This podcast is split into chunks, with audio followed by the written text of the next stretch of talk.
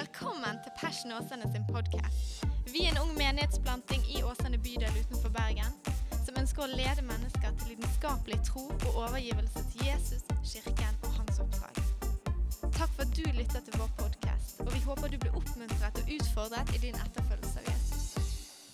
Jeg heter altså Steinar Lofnes, og jeg er akkurat blitt 37 år. Nærmer meg 40, og det er skummelt. Og eh, har hele familien med. Nå er, nå er ungene de er litt rundt omkring, ser jeg. Men min elskede kone Katrine er her. Og eh, vi er altså familien L. Så de som vil vite mer om eh, oss som familie, de kan gå på YouTube. På Familien L. Og der kan dere se vår familievlogg. Så eh, vi har tre barn, og eh, vi har hatt gitt i 15 år. Og så leder vi sammen eh, Vi er pastorer i en menighet som heter Jesusfellesskapet her i Bergen. Og så står vi òg bak en bibelskole som før het Veien bibelskole, men akkurat nå 1. oktober skiftet navn til Impact School of Revival Europe. Det er langt og svulstig. Men, eh, men impact er kort og fint. da. Så, eh, så det er fint. Det er til og med noen her som har gått på den bibelskolen. Så, så det er veldig, veldig fint. Ok, i dag skal jeg altså få lov til å tale og undervise om eh, en av mine favorittemaer. Og eh, Jeg har en veldig lengsel etter at eh, vi som kristne og som Guds menighet, spesielt her i Norge og Europa, skal få komme tilbake igjen til original kristendom. Jeg vet ikke om du har lagt merke til det eller tenkt over det, men det er faktisk sånn at den kristne kirke, har, fall i vår del av verden, har beveget seg ganske langt vekk etter hvert fra det som var originalen vi leser om i ja, Skulle jeg ta fram Bibelen, vi leser om i Bibelen her, så var det bare iPaden. Det ble litt dårligere. Men i Bibelen Ja, vi går langt ifra Bibelen. I dag skrev jeg alle bibelversene inn i notatene for at uh, det skulle gå kjapt. dette. Jeg er vant med bibelskole og hos oss holdt på å tale sinnssykt lenge. Så i dag skal jeg bare race på med 1000 bibelvers. Men da måtte jeg skrive de ned. Da har ikke vi tid til å slå opp. Er den grei?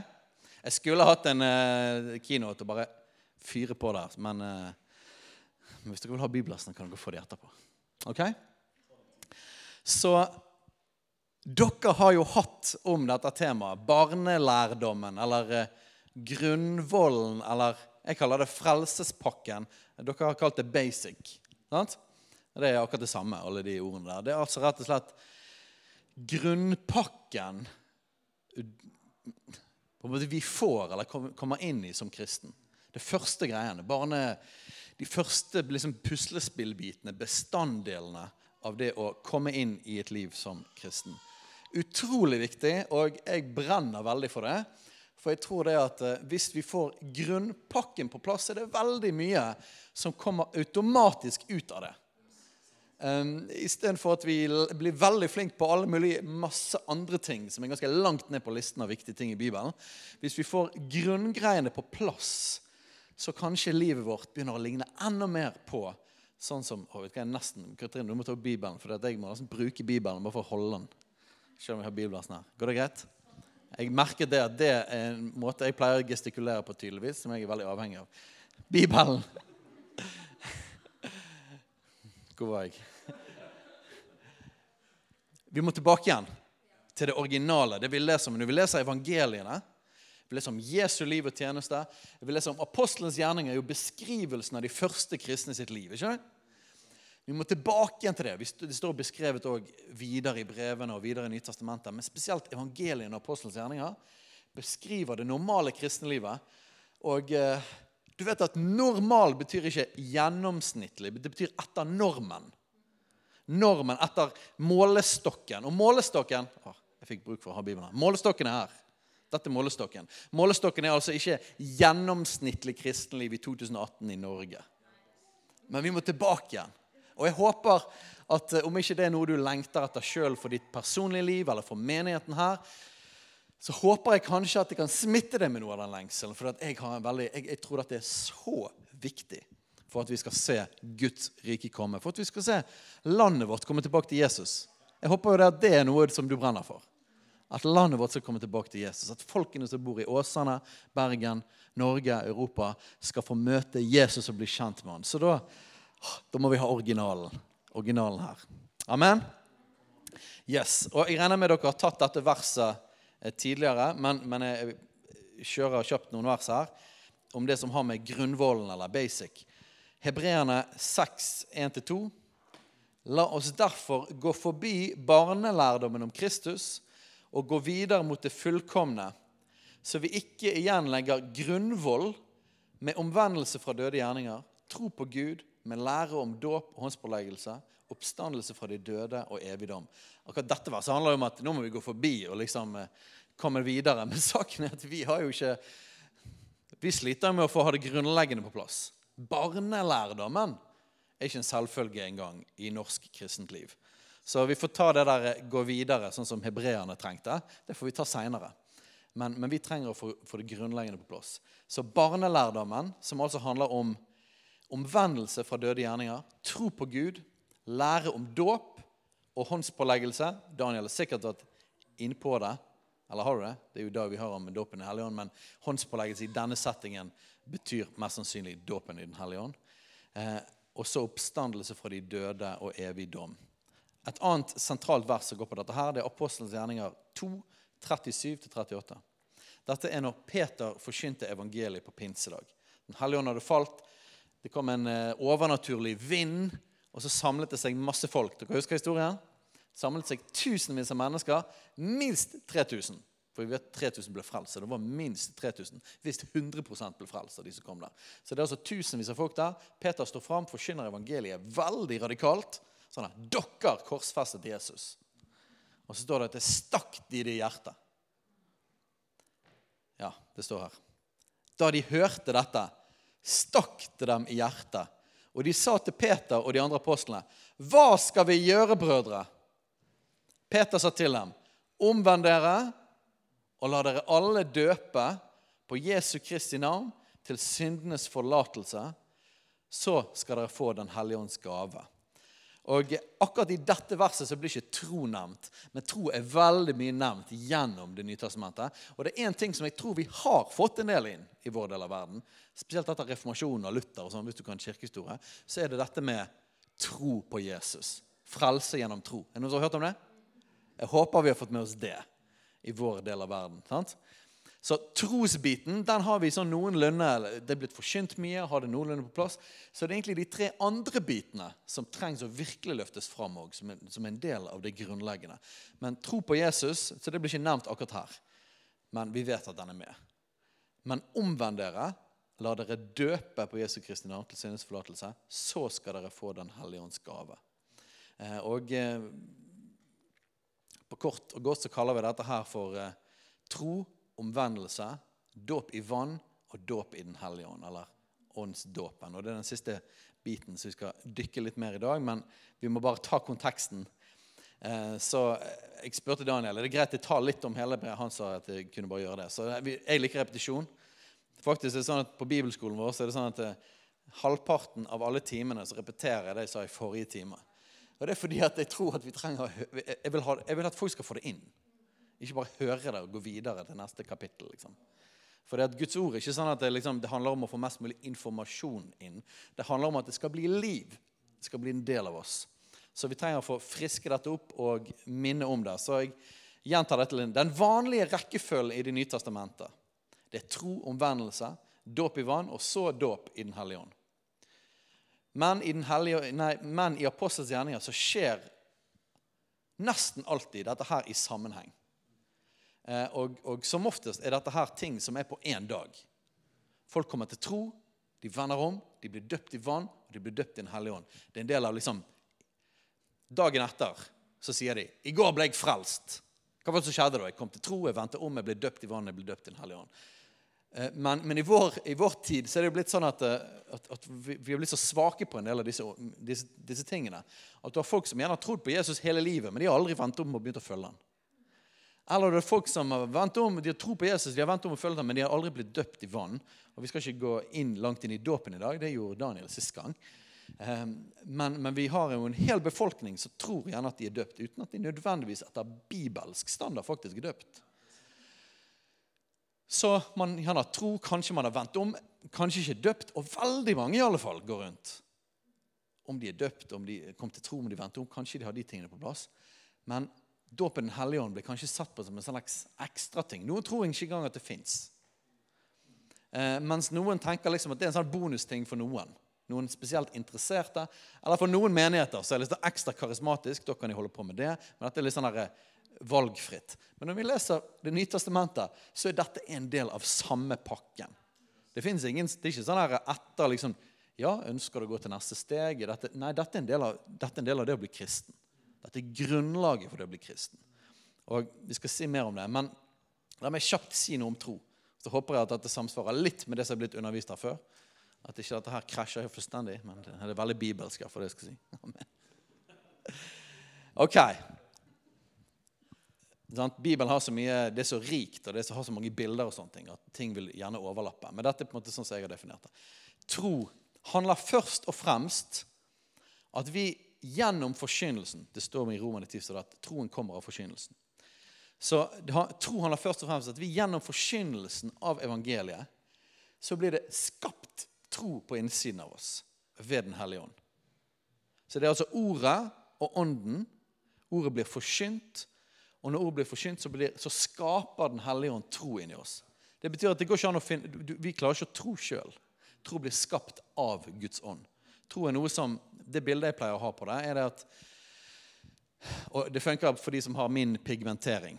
Okay? For dere som er bleikansikter her, med min pigmentering, så er det sånn at vi prøver å bli brune. Ikke vi det? Om sommeren. Men det er ingenting vi kan gjøre og ikke tenk på selvbruningskrem og sånne ting nå. Men det er ingenting vi kan gjøre for å bli brun. Det eneste vi kan gjøre, det er å utsette oss for noe som gjør oss brun. Jeg vet ikke om du skjønte hva det betyr. Det Det betyr at ved din egen disiplin og vilje så kan ikke du presse fram brunfarge. Det du kan gjøre, det er å utsette deg for sol. Men det er solen som skaper det, og så skjer det noe inni pigmentene her. Og så er det noe eh, greier, Jeg husker ikke helt hva de her stoffene var. Og så blir det brunere. Men skjønner dere poenget? Tro det blir skapt ved forkynnelsen, ved Den hellige ånd i oss. Det er ikke noe vi kan gjøre med egen kraft. Det er faktisk en gave. Troen er en gave. Tro handler om at vi har tro på at sant? Hva er det vi tror på når Bibelen snakker om tro? Er det tro på hva som helst? Nei, det er å tro på at Jesus er Guds sønn. Det er å tro at Jesus døde for våre synder og at han står opp igjen for at vi skal ha evig liv. Det er tro. Så vi tror på det, og gjennom det, gjennom å tro på det, hva skjer da? Da får vi en gave som heter nåde. Og vi blir Guds barn. Så ved troen så blir vi Guds barn. Ved troen får vi nåde. Ved troen på tillit til at han faktisk døde for oss, så blir vi Guds barn. Ok, supert. Og veldig mange stopper der. Ja, men da er jo alt på plass. Nei, Bibelen snakker om mye mer enn det. Faktisk, Jeg kan bare røpe det på forhånd. I Bibelen, selv om det står mange ganger at vi blir frelst av tro, og det er helt sant, og Luther til og med sa 'troen alene', så er det en, en, en, en halv sannhet. Vi blir frelst av tro alene, men vi blir ikke helt frelst av tro alene. Hva vil det si? Troen henger sammen med noen andre ting. Faktisk så står det veldig mange bibler og i Bibelen om at vi blir frelst av omvendelse. Omvendelse er faktisk et synonym til å bli frelst. Så Du kan bli frelst av å vende om. Men Kan du vende om uten å tro? Nei, du kan ikke det. Men de henger sammen. Det står faktisk òg en del steder at du blir frelst gjennom å bli døpt. Du kan heller ikke løsrive dåp fra tro og omvendelse. Så disse tingene henger tett sammen. Hva var poenget med å si det? Det er ikke bare tro. Troen er på en måte første biten. Første skrittet. Og veldig mange stopper der. Men hvis du skal bli en disippel av Jesus, så kan ikke det stoppe der. Så neste punkt etter tro er omvendelse. Hva betyr omvendelse? Man kan definere det på forskjellige måter. Men jeg studerte faktisk, jeg fant alle, alle jeg liker å studere Bibelen. Sånn. Jeg finner alle bibelversene om et spesielt tema. så bare går gjennom alle sammen. Tenker at Da får du liksom gjort det grundig. Da er det ikke min spekulasjon, da er det iallfall noe Bibelen sier. Skjønner grei? Så studerte alle bibelversene om omvendelse. Prøvde. Hva er egentlig omvendelse? Og Jeg skal prøve å sammenfatte det jeg på en måte kom ut av der. Så er omvendelse Først og fremst handler det om jeg liker dette ordet, å kapitulere. Jeg vet ikke om du vet hva det betyr. Det er sånn hvis noen Tyskerne, sant, når de hadde okkupert Europa, så på 8. mai 1945 så kapitulerte de. De ga opp. Eh, omvendelse er ikke først og fremst å være flink til å følge Jesus. Omvendelse er først og fremst om å gi opp og bestemme sjøl. Det handler om å gi opp sitt eget liv. Omvendelse handler om å gi slipp. Eh, det handler om at jeg gikk denne veien. Hele ordet betyr, omvendelse betyr å snu. sant? Men hva er det vi snur fra? Vi gikk vår egen vei. Jeg var min egen sjef. Jeg var min egen herre. Jeg var min egen gud. Eller Bibelen sier faktisk sånn at vi tror vi er vår egen gud. Nå parafraserer jeg litt. Snakker litt ut fra, fra, det Bibelen sier. Men vi tror at vi følger oss sjøl, men egentlig følger vi djevelen. Det, det sier, Jesus sier det sånn at uh, djevelens barn kalte han noen. Paulus sa det sånn at 'denne verdens gud', djevelen. Så, så vi tror vi følger oss sjøl, men ved å følge oss sjøl og ha oss sjøl som Gud, så det, er, det vi egentlig gjør, er å følge djevelen. Så å vende om, det å gå den veien, følge seg sjøl, og så er det å snu og så er det å begynne å følge Jesus og si at vet du hva, jeg er ikke sjef lenger. Jeg bestemmer ikke lenger over mitt eget liv. Jeg gir slipp på mitt eget liv. Og fra nå av så følger jeg. Faktisk er det sånn at ja, vi blir frelst av tro, men du blir ikke frelst av tro med mindre du òg begynner å følge. Det er faktisk sant at det er veldig bibelsk. Og Jesus sjøl snakket faktisk veldig mye om dette. Husker dere han fyren som het eller jeg vet ikke Han het. Han ble kalt den rike unge mannen. Han trodde på Jesus. han. Det var jo før Jesus døde og sto opp igjen. Men han trodde på Jesus. Han ønsket å følge ham. Så sa Jesus Ta selv alt du eier, kom så og følg meg. Og så ville han ikke. Og så står det at han gikk bedrøvet bort. Jeg skal ikke gå langt inn i det nå, men i vår, i, veldig ofte i vår tid så hadde vi løpt etter han og sagt nei, det går greit, det går greit, du har litt tro. Men Jesus lot han gå, lot han gå vekk. Jesus snakket veldig mye om omvendelse og etterfølgelse. Så dette henger tett sammen. Faktisk er det sånn at Vi elsker fordi han elsket oss først. Dette står det om i 1. Johannes brev kapittel 4. Det betyr at når vi ser Jesus og det han har gjort for oss, så skjer det noe inni oss. Når vi ser hans kjærlighet til oss, når vi erfarer hans nåde, når tro blir skapt inni oss, det som skjer da, det er at vi har lyst til å følge. Men vi trenger å gi slipp. OK, jeg må hoppe videre. Neste punktet fra omvendelse det er å bli døpt i vann. Hva, hva handler dåp i vann om? For det første, du trenger tro, og du trenger å vende om før du kan bli døpt i vann. Dåp i vann er ikke et symbol, men dåp i vann er at det gamle livet, det her livet her, det blir drept. Det står at vi ble korsfestet med Kristus, begravet med Kristus, og så ble vi oppreist med Kristus. Når man i, i dåpen går under vannet, så blir vi død og begravet. Når vi går opp igjen, så står vi opp igjen til en ny skapning. Vi blir nye mennesker. Stått opp sammen med Jesus. Dåpen er ikke bare et symbol, et fysisk symbol. I dåpen så skjer faktisk det. Og Mange ganger i, i Bibelen så blir dåpen beskrevet som frelse. Vi blir frelst, vi blir reddet i dåpen. Men, men, det må henge sammen med tro omvendelse. Men, men dåpen er ikke bare en sånn her en gang om 40 år så kan vi ha det på toppen. Nei, Dåpen er en del av hoved, hovedmåten å komme inn i Guds rike på. Hvordan var det man gjorde det? Har dere hørt om frelsesbønn? Skal heller ikke gå dypt inn i det. Men ofte så, og Det er ikke noe galt å be en bønn om at Jesus, jeg tror på deg, og jeg vil gi mitt liv til deg, og tilgi min synd. og Det er basically en omvendelsesbønn. sant? Veldig bra ting. Men utfordringen er at i vår tid så har vi byttet ut det dåpen faktisk var, med den bønnen. For Hvis du leser og jeg har studert det. Alle eksempler når folk blir frelst i Apostels gjerninger. Alle. Hvordan er det de blir frelst? Jo, det kommer jo tro. De, de, de, på et eller annet punkt må jo de bestemme seg for å følge og vende om. Men den konkrete, den spesifikke måten folk blir frelst på, det er at de blir døpt. Og Dette bare studerer jeg apostelgjerninger. Absolutt alle eksempler. F.eks. Eh, i pinsedag, som jeg nevnte i sted. De 3000 Peter sa, 'Omvend dere, la dere døpe, skal dere få Den hellige ånd'. hva gjorde de da? De som ville følge Jesus, de som ville bli frelst, rett ned til elven og bli døpt. Når de gikk ned i vannet der, og de kom opp igjen, da var de en nyskapning. Da tilhørte de Jesus. Så vi trenger å få gjenreist dåpen til det dåpen faktisk er. Ok, dette var litt repetisjon. Så kommer vi til det som har med dåpen i Den hellige ånd å gjøre. Dåpen i Den hellige ånd henger tett sammen med dette. Det finnes et eksempel jeg vet om um, som ganske tydelig der ikke personen rakk å bli døpt. Og Det var han røveren som hang ved siden av Jesus på korset. Husker dere han? Han, eh, han, var litt sånn her 'Husk på meg når du kommer i ditt rike', sier Jesus. 'I dag skal du bli med ut til paradis'. Bang. Så hvis folk um, henger på et kors og skal dø ganske raskt, så kan det være at man må droppe dåp i vann og dåp i Den hellige ånd. Okay? Men det er stort sett eneste situasjonen. Så hvis du sitter med, på dødsleie med noen, og sånne ting, ok, du kan bli frelst uten. Skjønner du hva? Du kan bli frelst uten. Men det er ikke meningen å leve uten. Jeg sier det, Dette er måten jeg pleier å si det på. Hvis du bare skal komme til himmelen, så kan du gjerne bli frelst av tro, omvendelse og helst bli døpt. Men gjennom tro vil du bli frelst. Du vil komme til himmelen. Men hvis du har tenkt å leve på jorden som kristen, så trenger du å bli døpt i vann og døpt i Den hellige ånd. Hvorfor det? Så, for det tro og omvendelse det fikser opp vår sak i forhold til Gud.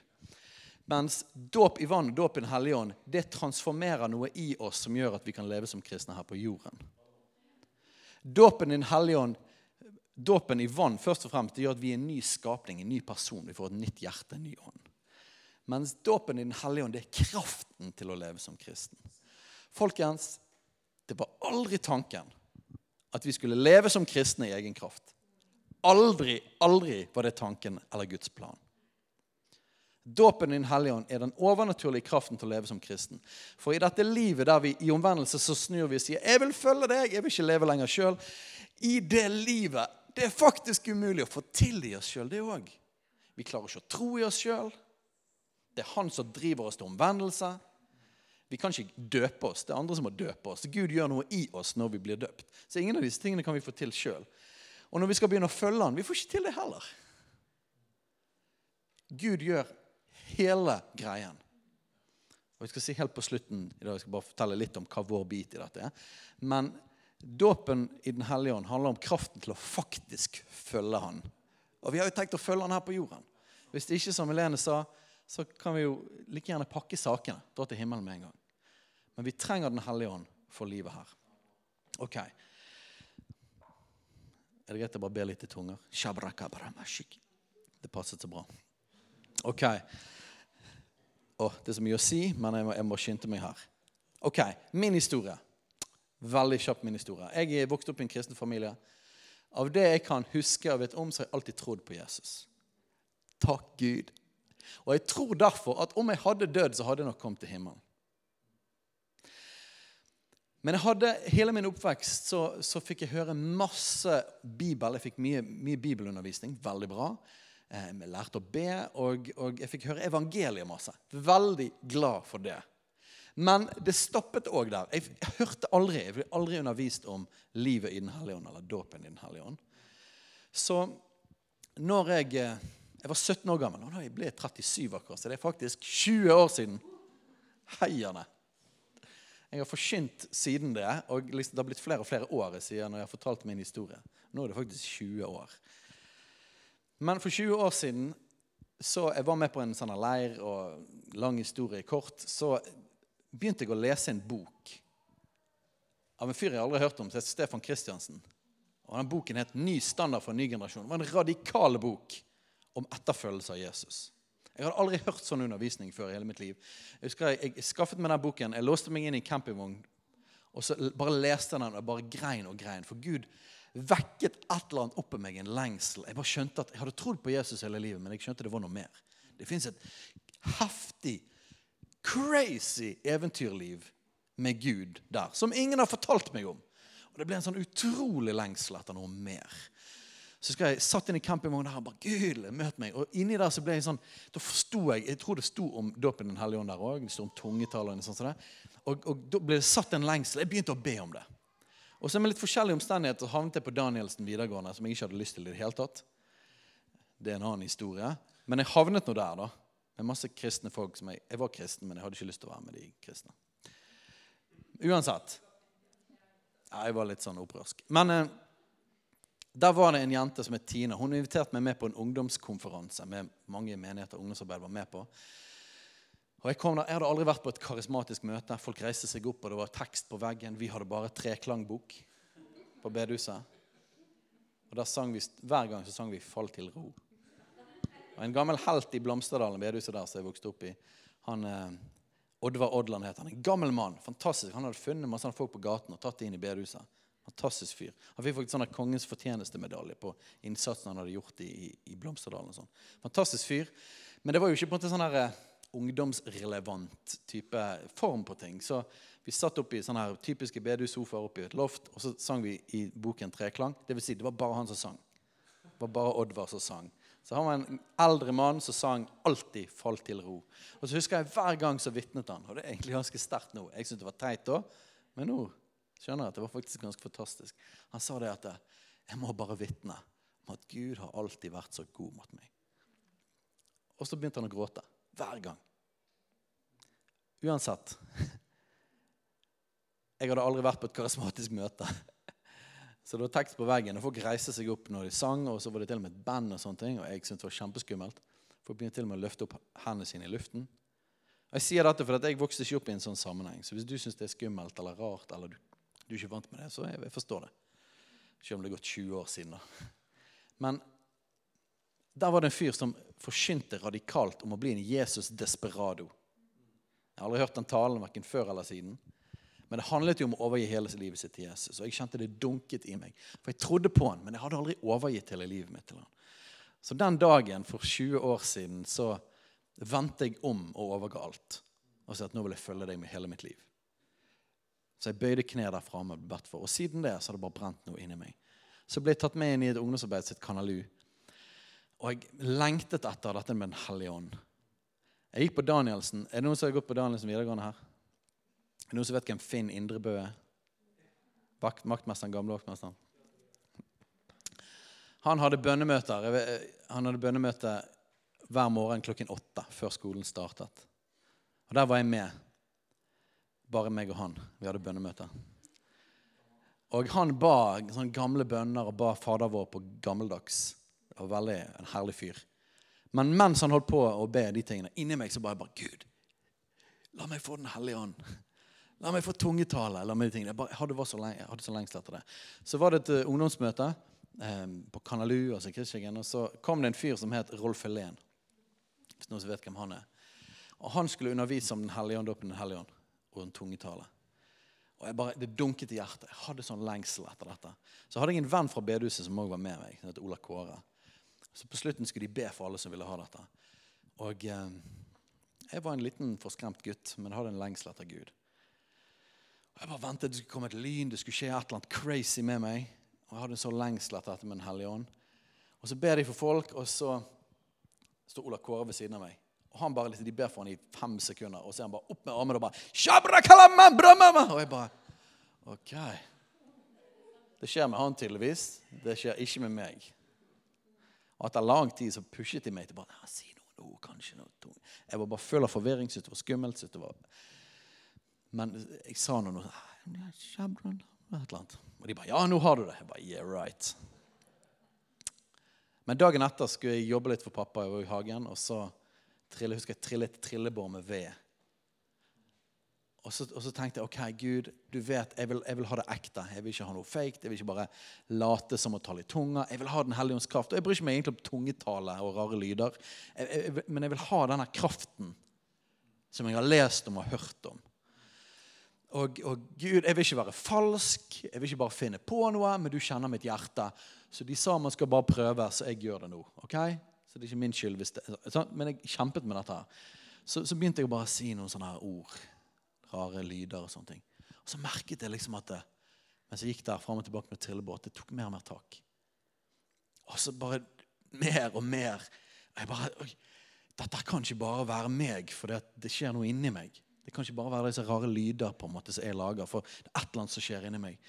Og så ble jeg mer og mer fylt. mer og mer fylt. Jeg betalte i tunga i flere timer mens jeg jobbet. Og så ble jeg, jeg ble døpt i Den hellige ånd. Kanskje det skjedde kvelden før, men det var der det virkelig skjedde. Mens jeg bar ved. Og den kraften som jeg husker fra da, den som fylte meg inni her, den er der fortsatt. 20 år seinere. Den hellige ånd brenner inni meg fortsatt. Og det har definert livet mitt. Det har definert alle valgene mine.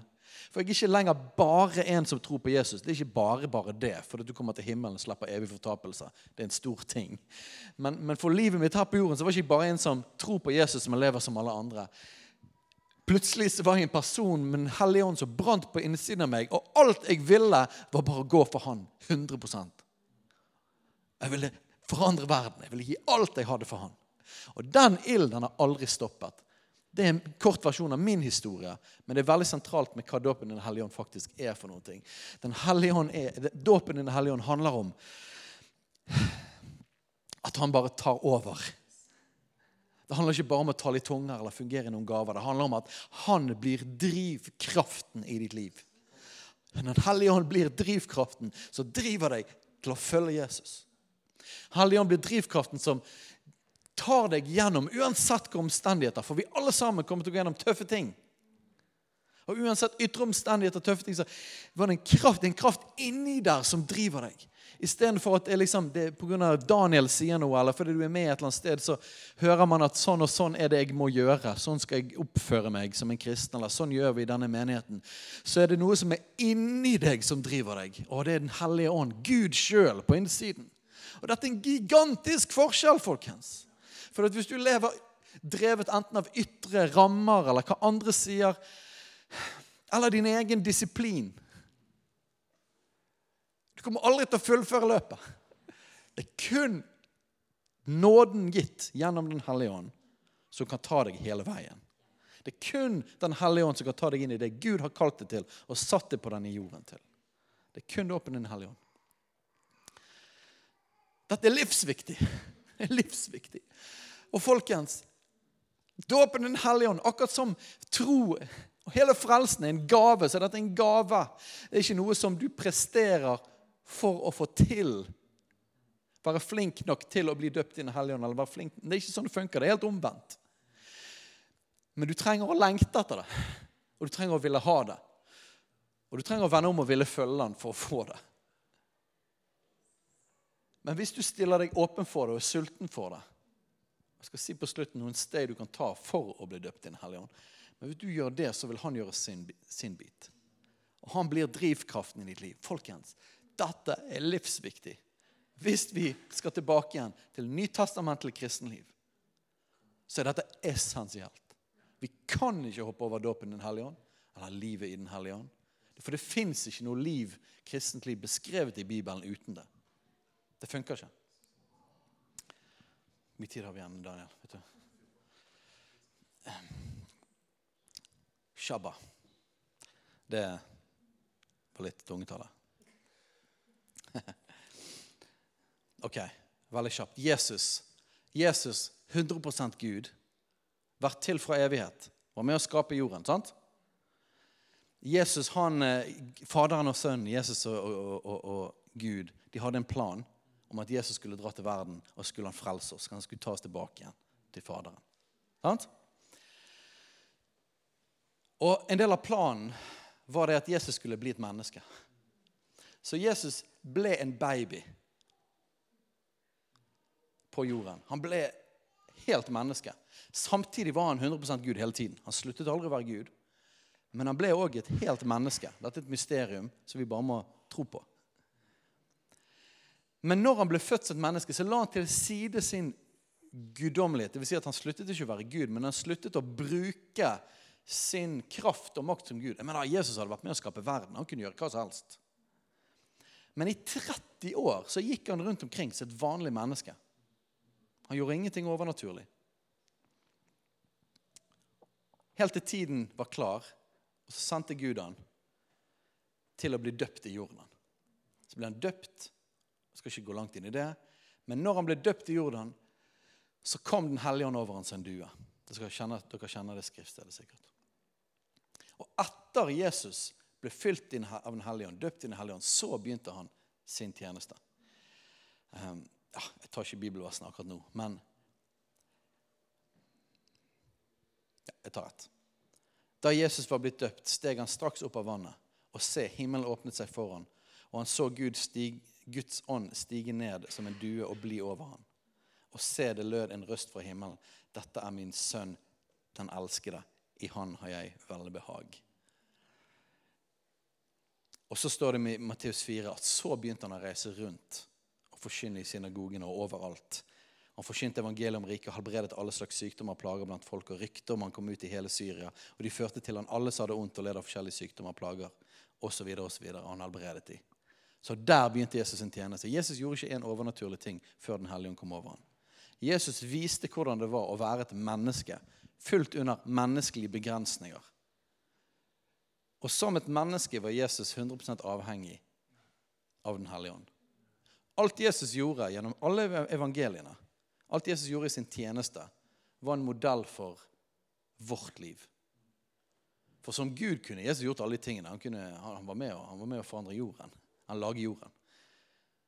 Men alle tingene Jesus gjorde, gjorde han i Den hellige ånds kraft. Apostels gjerninger 10.38. Gud salvet Jesus med Den hellige ånd og kraft. Han som gikk omkring og gjorde vel og helbredet alle den som var underkutt av djevelen. Fordi Gud var med ham. Og så sier Jesus en ting til her. Nei, det er Johannes døperen sier det. Matteus 3,11. Jeg døper dere med vann til omvendelse, men han som kommer etter meg, er sterkere enn jeg. Og jeg er ikke engang verdig til å bære skoene hans. Han skal døpe dere med Den hellige ånd og ild. Så Jesus sjøl gjorde sin tjeneste i Den hellige ånds kraft. Men han òg blir kalt den som døper med Den hellige ånd og ild. Og så kjenner dere historien fra pinsedag. La meg gi kjapt noen, noen bibelvers om dette med dåpen i Den hellige ånd. Klarer dere mer? Er dere Shabrabamba. Da pinsefesten dag var kommet, var de alle samlet på samme sted. Da kom det med ett en lyd fra himmelen som når en veldig stormvær farer fram, og fylte hele huset der de satt. Og det viste seg for dem tunger like som av ild, som delte seg og satte seg på hver enkelt av dem. Da ble de alle fylt med Den hellige ånd, og de begynte å tale i tunger alt etter som ånden gav dem å tale. Og Så har vi en historie til. I Apostels gjerninger 8 så var det en som het Philip, evangelisten, som forkynte evangeliet. Han gjorde store tegn og under. Mange folk kom til tro, og så ble de døpt. Og Så hørte de rykter nede i Jerusalem om vekkelse i Samaria gjennom Philip. Og Så kom apostlene opp der for å sjekke ut dette fantastiske som skjedde. Men så oppdaget de en ting, at uh, han hadde døpt dem, men han hadde ikke ennå lagt hendene på dem, så de ble døpt i Den hellige ånd. Så fordi det er en del, så sentral del av pakken, så uh, satte apostelen i gang. Og jeg kan lese for det. Men da apostlene som var i Jerusalem, hørte at Samaria hadde tatt imot Guds ord, sendte de Peter og Johannes til dem. De kom dit ned og ba for dem at de måtte få Den hellige ånd. For ånden var ennå ikke falt på dem, for de var bare døpt med Herre Jesu Kristi navn. Når de la hendene på dem, og de fikk Den hellige ånd Nå la de hendene på dem, og de fikk Den hellige ånd. Men da Simon så at ånden ble gitt ved apostelens håndspåleggelse, kom han til dem, og så skjedde det noe greier. Men de la hendene på folk, disse som var kommet til tro. Og så hadde de vendt om. Det sto ikke det spesifikt der, men du må tro og vende om. Og så ble de døpt. Men de hadde ikke blitt døpt i Den hellige ånd ennå, så de la hendene på dem, og så ble de døpt i Den hellige ånd. Og når de la hendene på dem, så, så, kunne de se at de ble døpt i Den hellige ånd. For han her Simon han så at ånden ble gitt ved deres håndspåleggelse. Og Så derfor kom han til det. Så det gikk an å se. Det skjedde et eller annet synlig. Ok. I Apostelens gjerninger 9, 17-18 står det om Paulus når han ble frelst. Og en fyr som het Ananias, ble sendt til han. Og Da står det at Ananias gikk da av sted og kom inn i huset. Han la hendene på han og sa, 'Saul, bror, Herren har sendt meg, Jesus, han som viste seg for deg på veien der du kom, for at du skal få synet igjen og bli fylt av Den hellige ånd.' Eh, Paulus hadde allerede kommet til tro når han møtte Jesus på veien. Sant? Han skjønte jo det at det, var vanskelig å ikke tro på Jesus. Han fikk se Jesus der og fikk en real konfrontasjon av han. Ble slått av hesten og ble blind. Eh, så han trodde på, på Jesus. Han hadde begynt å komme til tro. Han satt og ba, sto det. Og Så kom Ananias her og skulle hjelpe han inn i resten. For det første trengte han å bli helbredet, for øynene måtte bli åpnet igjen. Men han skulle få Den hellige ånd. Og det første som skjedde etterpå det, vet du hva det var? det? Og straks falt det like som skjell fra øynene hans, og han kunne se. ok, Så han ble helbredet. Han sto da opp og ble døpt. Ser dere det? Alle disse tingene på plass med en gang. I Apostelgjerninga 10 der står det en fantastisk historie om de første hedningene. Det er sånne som oss. De som ikke er jøder. De første som ikke var jøder, som begynte å følge Jesus. folk ble frelst. Og Det var en spennende, overnaturlig historie der som endte opp med at Peter kom til Kornelius sitt hus. og I hele huset satt slekt og venner, og de satt der sultne på å høre hva han skulle gjøre. Så forkynner Peter evangeliet til dem. Og Dere vet hva som skjer når ordet blir forkynt? evangeliet blir. Det blir skapt tro. blir det ikke?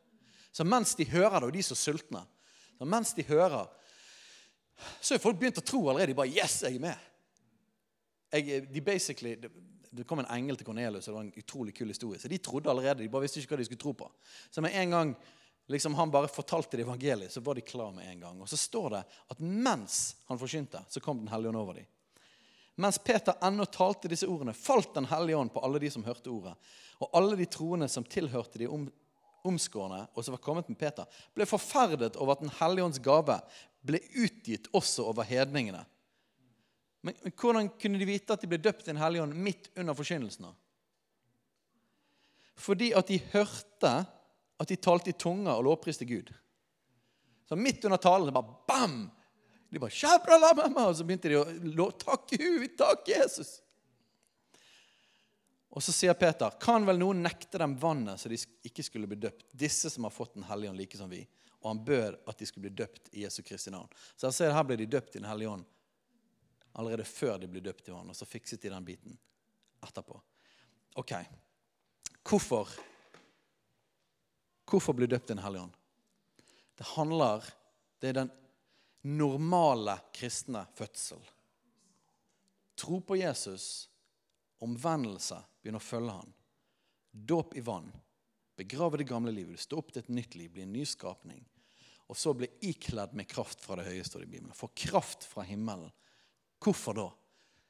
Fordi vi er desperat avhengig av hans kraft til å leve livet som disippel. Vi klarer det ikke sjøl. Jeg kommer ikke til å si så mye om det, men, men det finnes flere tegn på dåpen i Den hellige ånd. Den tingen som går igjen hver gang, det er tungetallet. Andre ting som går igjen, er at de spontant begynte å tilbe Jesus. Eh, en annen ting som skjedde et sted, var at de begynte å profetere av hverandre. La meg bare si kjapt en historie til. Det er når Paulus møter en gjeng med disipler i Efesus. Og Denne gjengen, disippel, var det vanlige navnet på en kristen gjennom Det nye testamentet. Det var liksom det vanligste. Så disse folkene var disipler, så de må ha trodd på Jesus. Fordi fordi Det viser seg senere at de hadde blitt døpt med Johannes dåp. Så de var nok sannsynligvis Johannes' disipler først. Men så hadde de nok gjort sånn som flere av Jesus' sine disipler. For at Johannes sa det at 'ikke følg meg lenger, følg han'. Og så hadde de nok sannsynligvis begynt å følge Jesus. Så hadde de blitt en disippel av Jesus. Men det var et eller annet rart med disse disiplene. Jeg tror jeg skal avslutte med det. Det var et eller annet muffens med disse disiplene.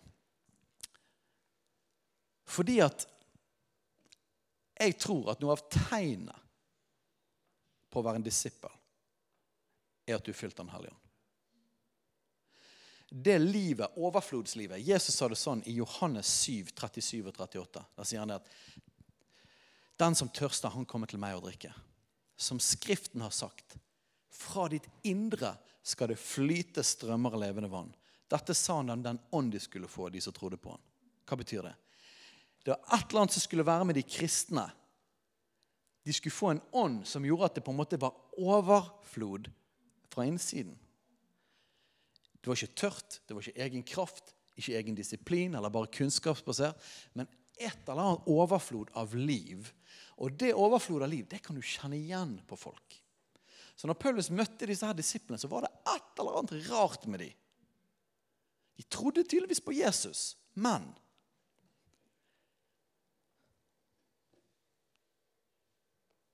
Skal finne verser. Ja, Samme det. Jeg kan det.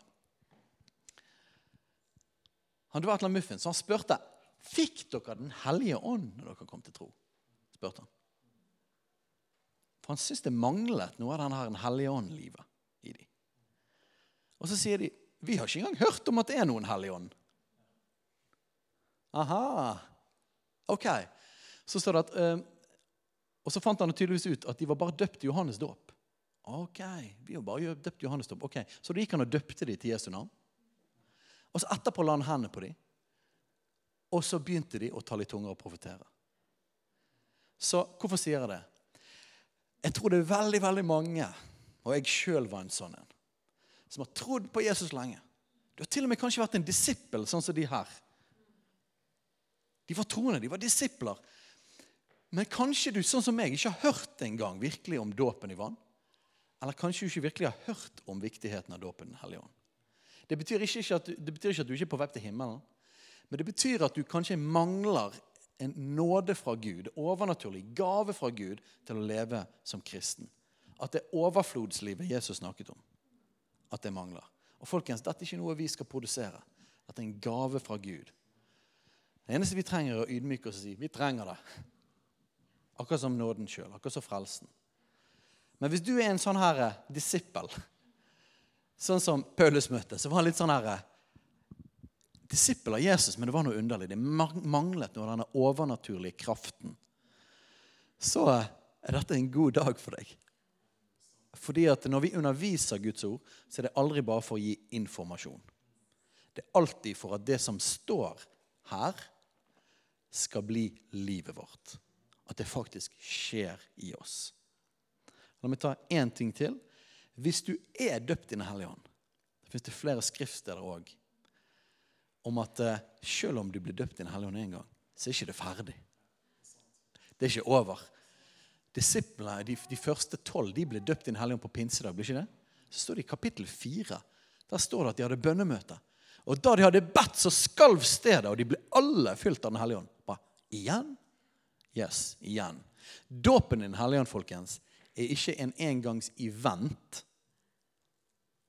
Bare for liksom Nå har det skjedd, kan jeg krysse av det. Nei, det var starten på et liv i Den hellige ånd. Et liv fylt av Den hellige ånd. Så enten, hvis du er sånn, her, sånn Efesus-disippel, så trenger å få dette her på plass, har vi veldig lyst til å be for deg.